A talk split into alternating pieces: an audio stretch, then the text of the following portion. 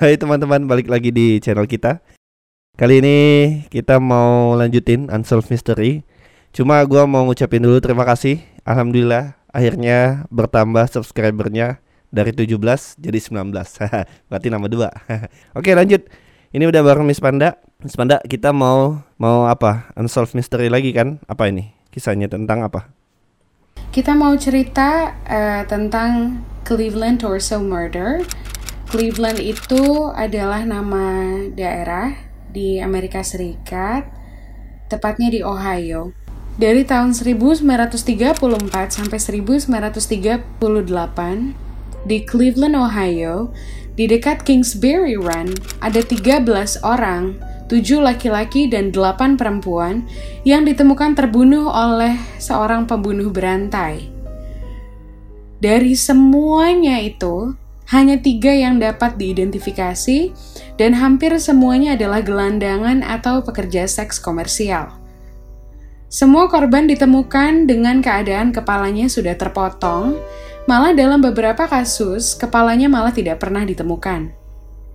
Oke, si pembunuh ini membunuh dengan cara memisahkan kepala dan bagian tubuhnya atau torso. Kamu tahu torso sebelah mana kan? Enggak torso tuh kayak leher ke bawah gitu loh sampai sebelum uh, pinggang oh. atau sebelum pinggul kali ya kira-kira bagian sini lah badan lah badan gitu ya dada ke perut uh, uh, okay, betul okay. nah kecenderungan ini membuat si pembunuh itu mendapatkan julukan the Cleveland Torso Killer atau the Mad Butcher of Kingsbury Run jadi uh, untuk kamu atau teman-teman yang nggak tahu apa itu Kingsbury Run, nah Kingsbury Run itu adalah sebuah area pada tahun 1930-an ini Kingsbury Run ini sangat dikenal sebagai tempat yang Bronx dan berbahaya yang dipenuhi uh, dengan gelandangan yang hidup dengan kondisi yang sangat memprihatinkan. Tempatnya Bronx lah gitu. Nah, di sebelah timurnya Kingsbury Run ada lagi area yang namanya Roaring Third yang terkenal karena ada banyak bar, lalu tempat perjudian dan juga rumah prostitusi di sana. Nanti semua tempat ini akan ada hubungannya satu sama lain. Sekarang kita ini mulai cerita tentang waktu dan tempat di mana para korban ini ditemukan ya.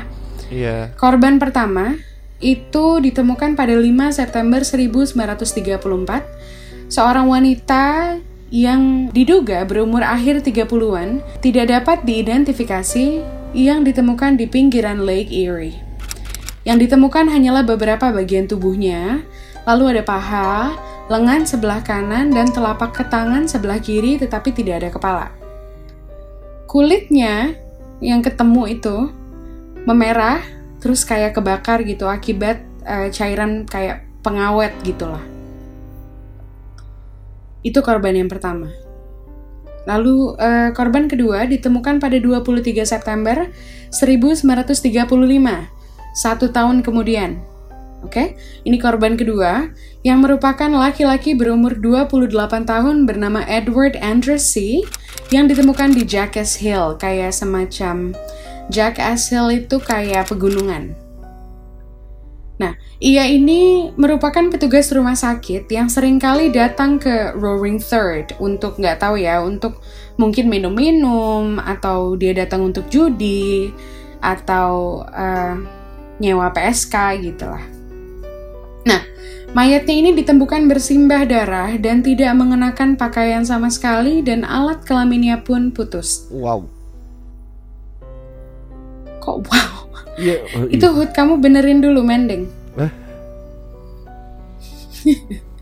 di hari yang sama korban ketiga ditemukan tidak jauh dari lokasi penemuan mayat kedua Seorang laki-laki berumur 40-an yang lagi-lagi tidak dapat diidentifikasi. Kepalanya juga putus, begitu juga dengan alat kelaminnya.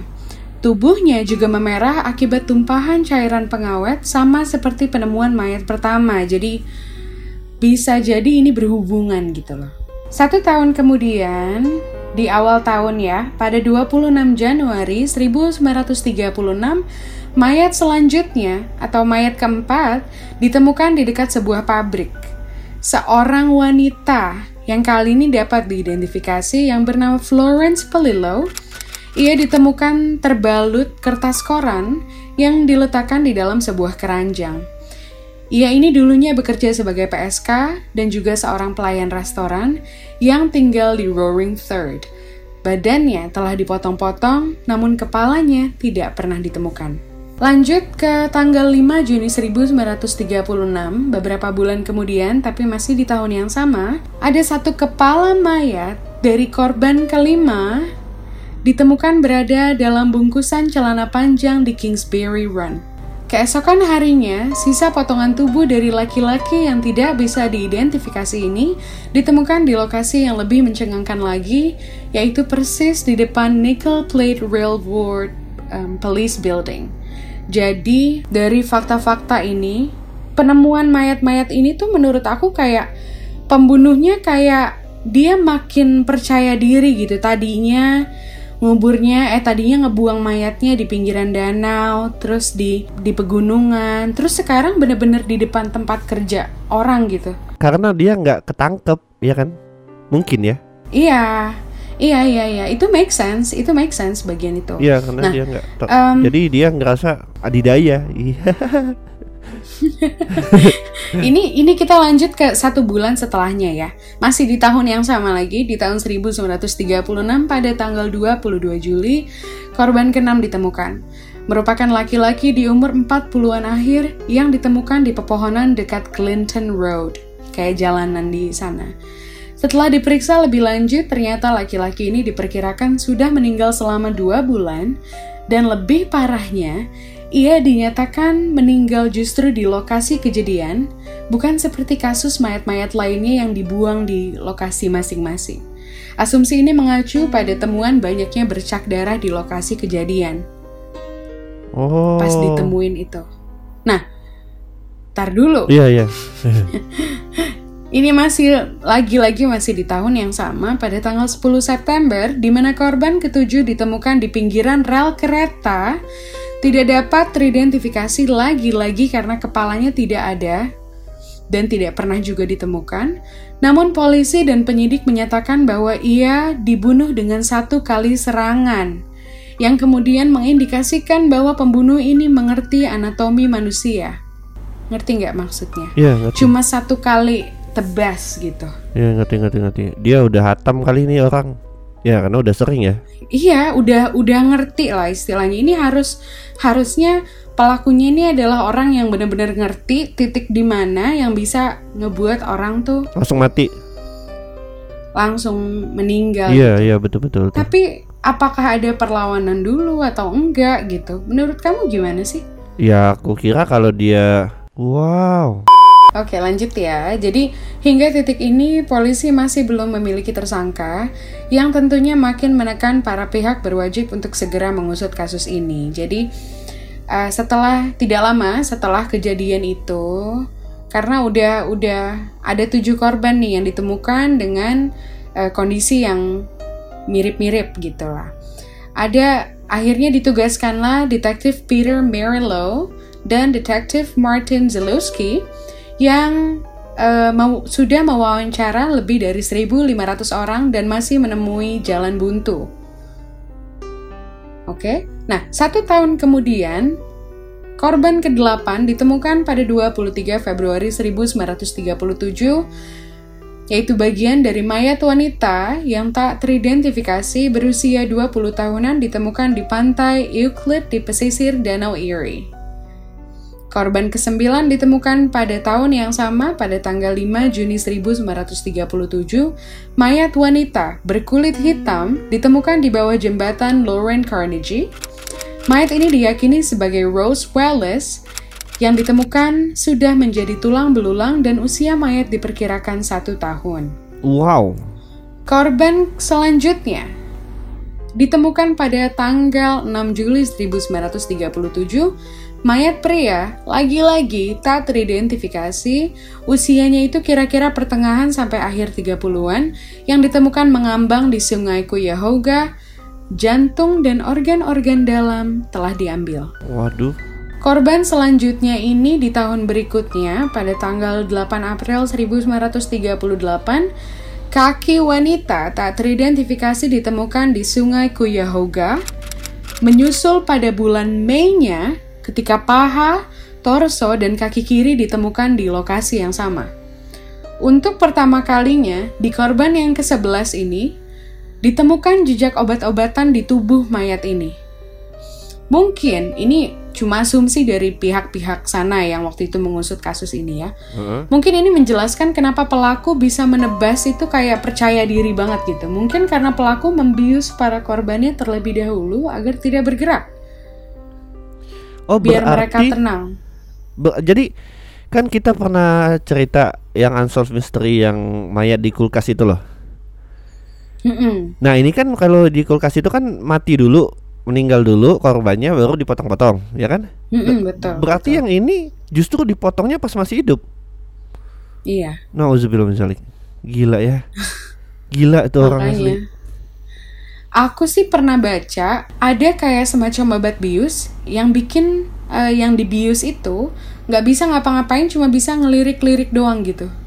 Oh iya, aku juga pernah nonton itu ada yang begitu totok ditotok. Iya. Pernah nggak kamu nonton film-film Cina dulu tuh Aku- ditotok tok? Yang iya iya, kayaknya aku tahu mereka tahu ya titik-titiknya gitu ya. Iya yang ditotok itu tok kayak film Jackie Chan zaman dulu tok Betul. udah nggak gerak betul gitu. betul.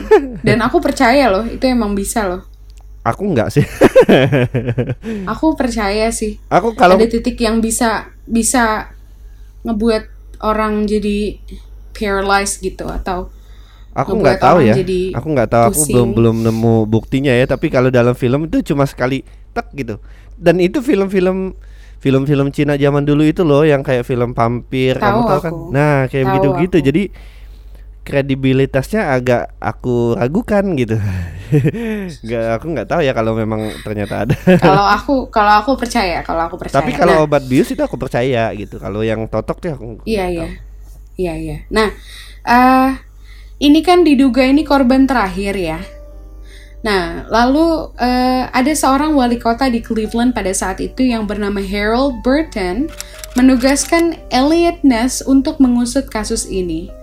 Elliot Ness sendiri merupakan seorang penegak hukum ternama yang mengusut tuntas tempat pembuatan birnya Al Capone, lalu polisi yang korupsi dan banyak kasus ternama lainnya.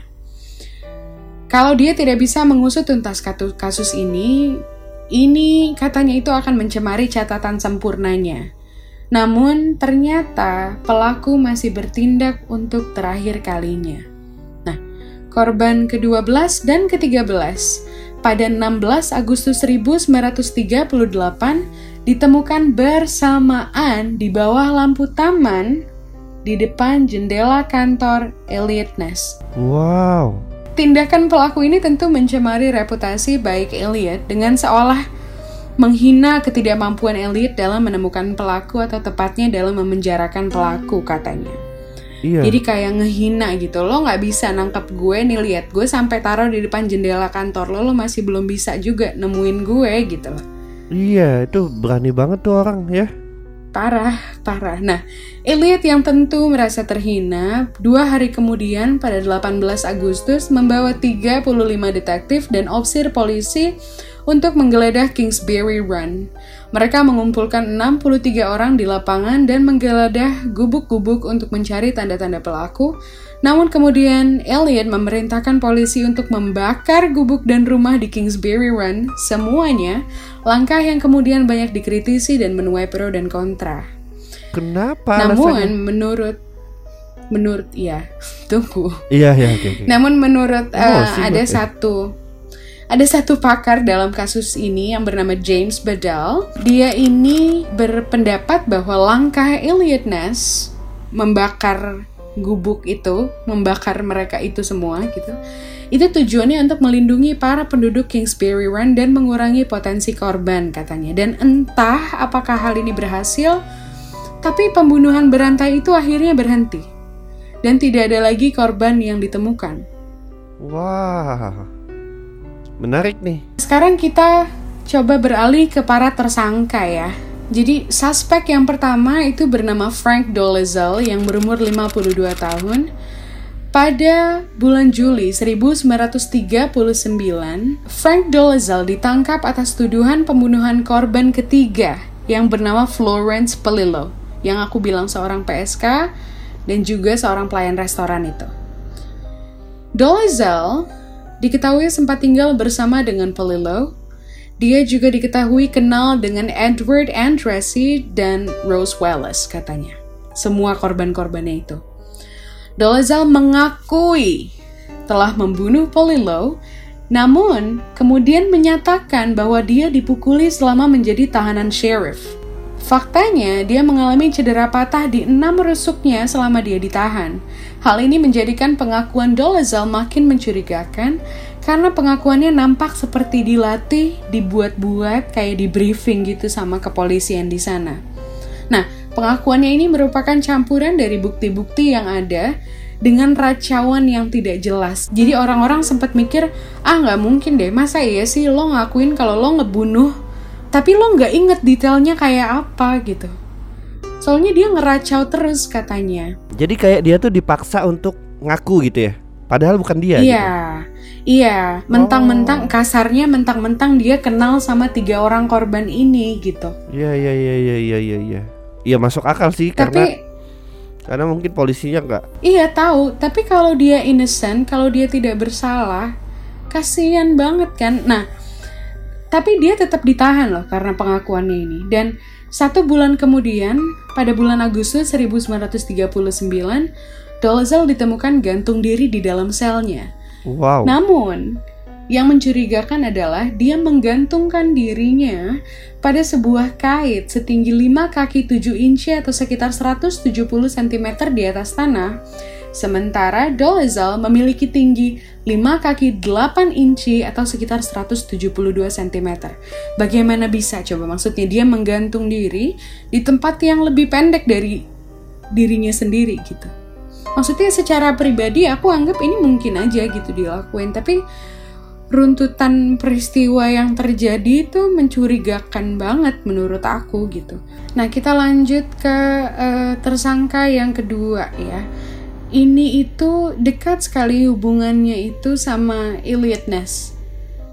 Oh detektif. Yang aku bilang, ya si uh. detektif yang eh, yang yang disuruh sama wali kota untuk ngusut itu kasusnya. Uh. Nah Tersangka terakhir yang paling dicurigai itu bernama Dr. Francis E. Sweeney. Dia cocok dengan profil tersangka. Ia adalah seorang dokter yang memiliki pengetahuan medis dan pengalaman untuk melakukan rangkaian pembunuhan tersebut. Sweeney juga memiliki riwayat alkoholik. Lalu berdasarkan keterangan dari istrinya, ia sering memukuli anak laki-lakinya dan istrinya juga, dan sering menghilang tanpa sebab jelas dalam berhari-hari.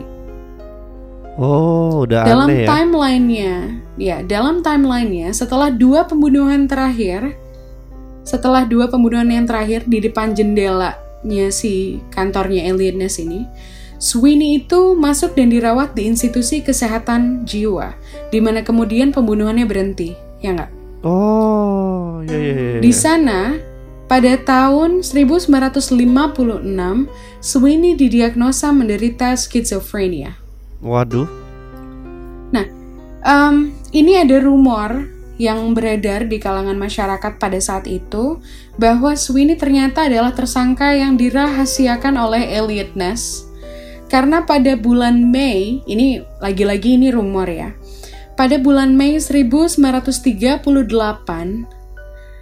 Ness Elliot Ness secara diam-diam membawa Sweeney ke sebuah hotel tua di Cleveland dan di sana Ness menahan Sweeney selama 10 sampai 14 hari.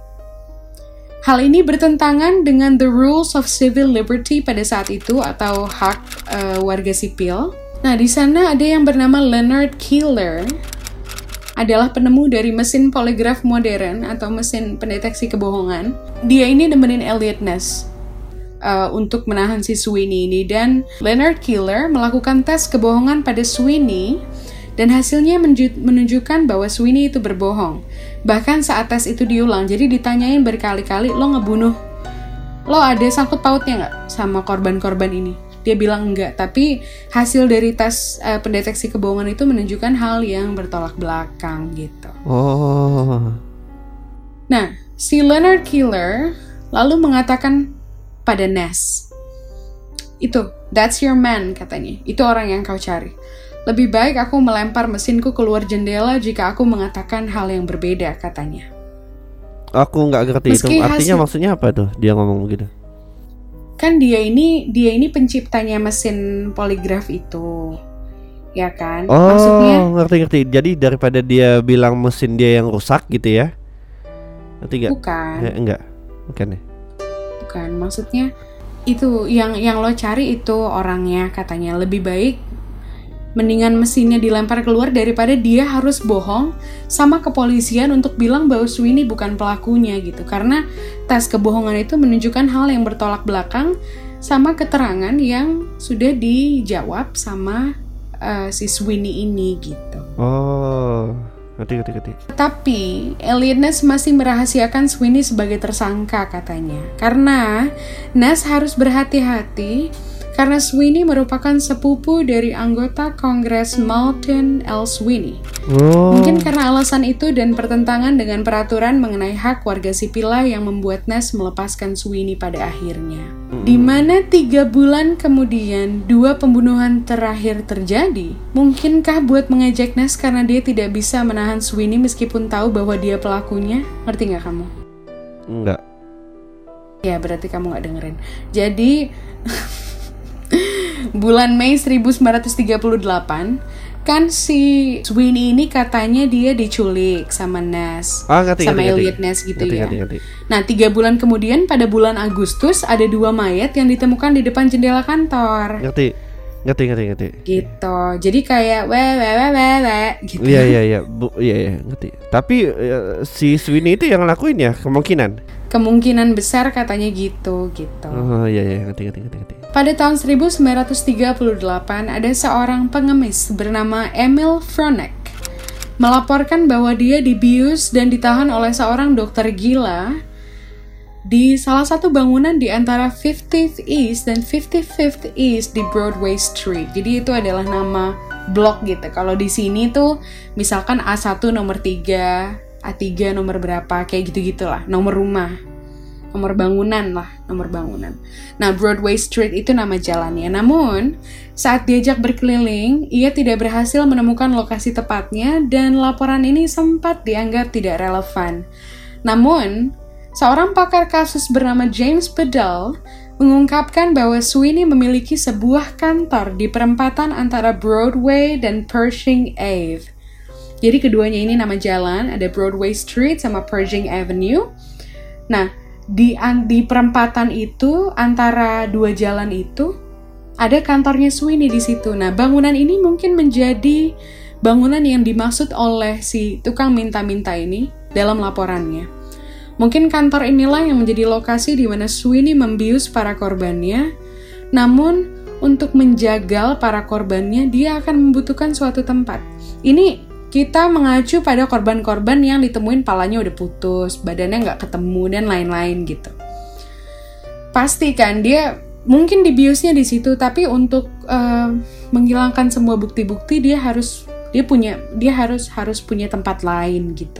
Lalu ada eh, salah satu penyelidik membantu menyelidiki kasus ini yang bernama David Coles yang berasal dari Scientific Identification Bureau ia ini berteori bahwa Sweeney bekerja sama dengan pengurus pemakaman. Jika ini benar bahwa sebuah rumah duka akan menjadi tempat yang sempurna untuk membersihkan bukti-bukti darah. Ngerti nggak? Jadi dibunuhnya di situ mungkin ada kong kali kong lah sama salah satu pengurus pemakaman gitu. Iya iya bisa jadi. And guess what? Guess what? Tepat di depan kantor Sweeney ada sebuah rumah duka yang beroperasi. Wah, kebetulan sekali. Dengan betul sekali, kebetulan sekali. Dengan segala bukti ini, pakar kasus James Bedell dapat menyimpulkan bahwa Sweeney adalah pembunuhnya. Namun Bedell sadar bahwa dia tidak bisa membawa kasus ini ke pengadilan. Harus hati-hati karena si Sweeney ini sepupunya anggota Kongres. Gitu. Namun kesimpulan ini juga masih menimbulkan perdebatan. Bedal sendiri tak yakin bahwa semua pembunuhan bisa dilakukan di situ tanpa menimbulkan kecurigaan siapa pun. Ya nggak sih? Iya. Kamu iya. kepikiran gak sih maksudnya gimana gimana caranya bisa gimana how gitu emang nggak ada orang yang tinggal di betul betul sekitaran betul situ iya mungkin tetangga gitu ya atau iya iya betul betul betul Iya, betul betul. Nah, hingga saat ini masih belum ada kesimpulan konkret yang bisa ditarik apakah Sweeney in fact adalah pembunuhnya ataukah pembunuhnya tetap berkeliaran di luar sana. Selesai. tapi bisa jadi ini sebenarnya bukan satu orang Iya, makanya kan dibilang kalau ada kemungkinan kalau dia bekerja sama sama pengurus pemakaman. enggak gitu. enggak Dan- maksud aku enggak enggak maksud aku eh, korbannya ada berapa 13 ya Betul. Nah, maksud aku Sweeney mungkin ngebunuh cuma tujuh misalnya, yang enam orang lain Iya misalnya sih. begitu. Iya iya maksudnya banyak kemungkinan gitu sih ya. ya udah teman-teman aku aja yang closing ya. Ya udah kamu closing deh. Oke teman-teman kita Oke teman-teman kita udah selesai ceritanya Semoga kalian suka sama cerita kayak begini Dan eh, nanti di masa yang akan datang Di waktu yang dekat ini kita akan eh, jauh lebih banyak upload-upload cerita-cerita lain Yang pastinya jauh lebih menarik daripada yang sekarang Doakan kita semoga kita bisa terus berkarya Dan semoga channelnya sukses Biar banyak giveaway nanti ya nggak? Ya nggak? Dulu kan di YouTube yang sebelumnya kita banyak giveaway ya. Ya udah teman-teman gitu aja. Jangan lupa di like kalau kalian suka sama video ini. Terus komentar juga kalau kalian mau kira-kira video apa yang kalian mau untuk kita buat. Kalau ada ide-ide bo- boleh dikasih tahu dan jangan lupa share ke semua sosial media yang kalian punya untuk membantu kita. Iya, gitu aja. Oke teman-teman. Terima kasih sudah menonton video ini. Dadah. Assalamualaikum. Salam.